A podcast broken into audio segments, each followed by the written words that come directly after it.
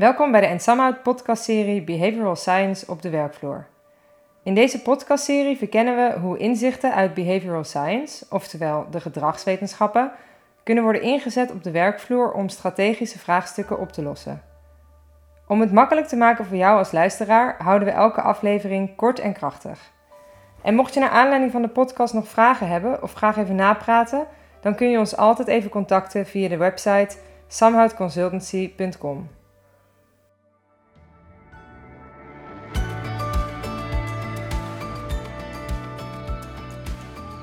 Aflevering 2 van de podcastserie van Hens Samhout.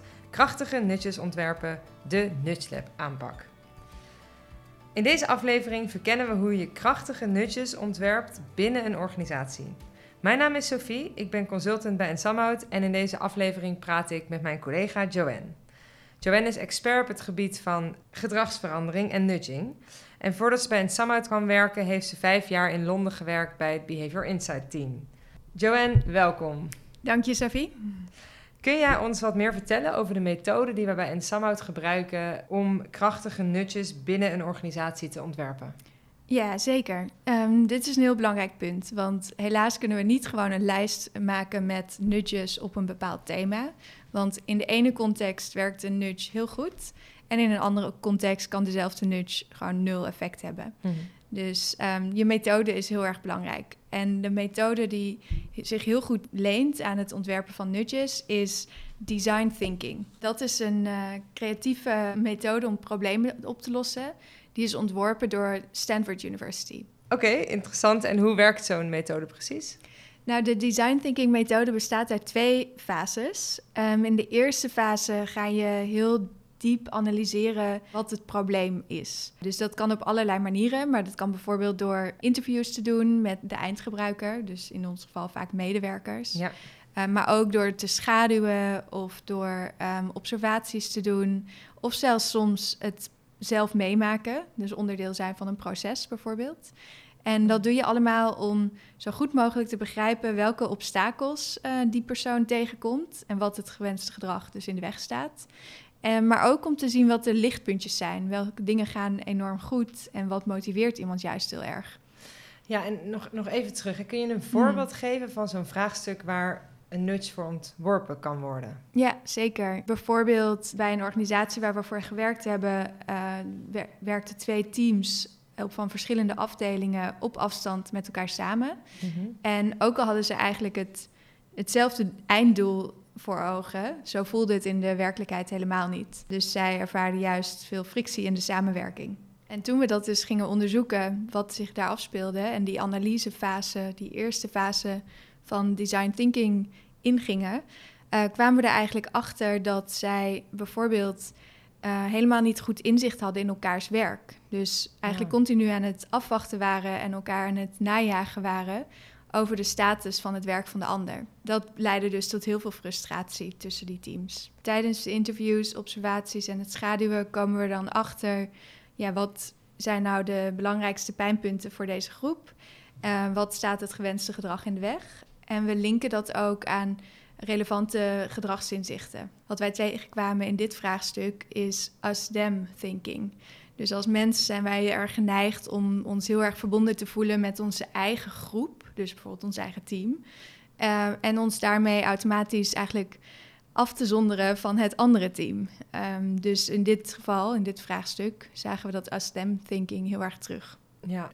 Um, in fase 2 beginnen we dan met wat wij noemen nudge labs.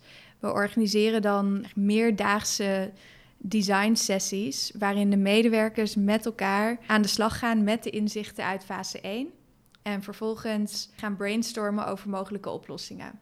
In dit geval was het een tweedaagse sessie waarbij op dag 1 de medewerkers met elkaar gingen verdiepen op het vraagstuk en hun eigen ervaringen met dit vraagstuk nog verder uitpluizen. En op die manier zien zij zelf ook in welk gedrag relevant is, welk gedrag nodig is om dit op te lossen.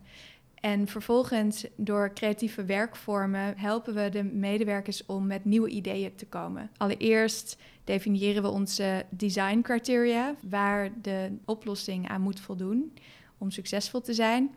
En vervolgens, dat heet in design thinking ideation, ga je met elkaar brainstormen over mogelijke oplossingsrichtingen. En hierbij geldt um, kwantiteit boven kwaliteit, zoveel mogelijk nieuwe ideeën bedenken en veel fast en veel often. Uh, het hoeft nog niet het perfecte idee te zijn. Maar wat je daar vaak ziet ontstaan is dat er met heel veel creativiteit vanuit de ervaringen van de medewerkers zelf hele goede ideeën ontwikkeld worden. Het voorbeeld wat je net gaf, dus de samenwerking tussen de teams die stroef verliep, kun je ons even meenemen in hoe dat eruit zag in die fase 2 van de Nudge Lab die je net beschrijft? Ja, zeker. Dus met die Nudge Lab zijn we begonnen na te denken over hoe zou je nou meer gezamenlijkheid kunnen creëren tussen deze twee teams. Ja. En één concept wat dan naar boven kwam, was het idee achter een teamopstelling. Zoals je ook je voetbalteam van tevoren vaak de opstelling even kan bekijken. Eigenlijk wil je dat ook hebben van je team, waarmee je samenwerkt. Want dan wordt het alleen al makkelijker om even te zien wie er allemaal betrokken is bij een samenwerking. En uh, in de oplossing die uiteindelijk ontwikkeld is, kwam ook een component waar de medewerkers heel makkelijk de status van hun werk konden updaten. En daar, door dat heel laagdrempelig te maken en heel makkelijk inzichtelijk te maken, konden medewerkers dus sneller op de hoogte zijn van elkaars werk. En was er dus minder heen en weer gevraagd naar die status. Ja, en, en wat is dan precies de nudge hierin? Allereerst is het, het nudging-principe maak het makkelijk. Dus mhm. je maakt de drempel heel laag om een status-update aan elkaar te geven. En ten tweede benadruk je het gezamenlijke doel dat dit team voor ogen heeft. Dus je bent continu hen aan het herinneren van dit is jullie einddoel. Ja, en heeft het gewerkt? Ja, nou dat was dus leuk om te zien dat dit dus heel positief ervaren werd. Dat allereerst wanneer je zo'n type oplossing introduceert, komt er al heel veel enthousiasme over het feit dat echt een pijnpunt van die groep medewerkers wordt opgelost. Dus het is heel specifiek gericht op een van hun grootste pijnpunten. En dat creëert al heel veel positiviteit. Um, en wat we dan ook zien in de samenwerking is dat ze elkaar makkelijker kunnen vinden. Dus makkelijker weten wie uh, betrokken is bij de samenwerking. En ook makkelijker met elkaar in contact komen. En minder vaak heen en weer hoeven te mailen of heen en weer hoeven te bellen over de status van hun werk.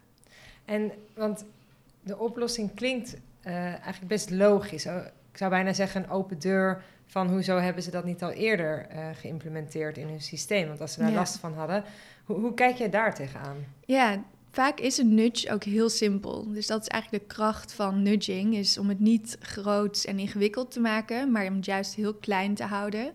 Um, allereerst kun je die nudge dus ook meteen binnen een paar dagen na de Nudge Lab gaat deze nudge live. Er is geen wekenlang ontwikkelingsproces. En ten tweede uh, lijkt zo'n nudge soms inderdaad een open deur. Maar het mooie is om te zien dat dit nog nooit eerder gedaan is binnen deze organisatie. Dus zo'n kleine, simpele nudge is nog niet eerder door iemand geïmplementeerd. En was dus, ontbrak dus eigenlijk altijd. Uh, terwijl het zo laagdrempelig is om te doen.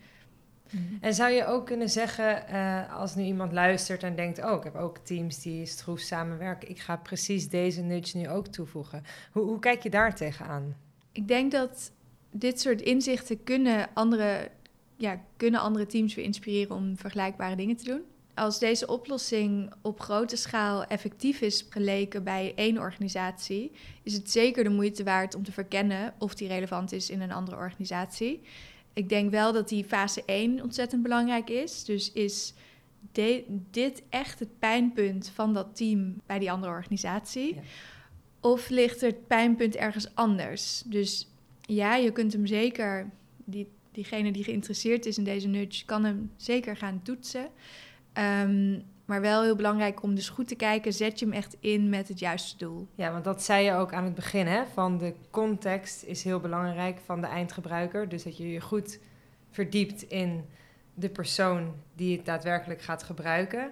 Ja. En je zegt ook, je hebt ook uitgelegd dat daar een soort een hele fase aan gewijd wordt tijdens zo'n nudge lab om echt heel goed beeld te krijgen van die gebruiker. Precies, ja. Inderdaad, want stel je voor dat dit juist een organisatie is waar iedereen elkaar heel goed persoonlijk al kent, dan heeft het waarschijnlijk veel minder zin om het team inzichtelijk te maken aan een samenwerking. Maar in dit geval was het een organisatie waar het soms gewoon bleef bij een e-mailadres waarvan je soms niet eens wist of diegene man of vrouw was. Om maar een voorbeeld te geven. Ja. Interessant. Ehm, helaas, Joanne, zijn we weer door de tijd heen. Heel erg bedankt. Heel graag gedaan. Dit was hem weer voor deze aflevering. In de volgende aflevering gaan we nudging toepassen op een specifiek actueel thema, namelijk het hybride werken ten tijde van COVID-19. Ben jij nu al nieuwsgierig? Dan kun je deze podcast inzetten als Temptation Building Nudge. Dat betekent dat je eigenlijk met jezelf afspreekt dat je de podcast alleen luistert tijdens een activiteit waarvoor je wel wat extra motivatie kan gebruiken, zoals de vaatwasser uitruimen. Mooie bijvangst, je partner of huisgenoot is ook gelijk bij. Tot de volgende keer.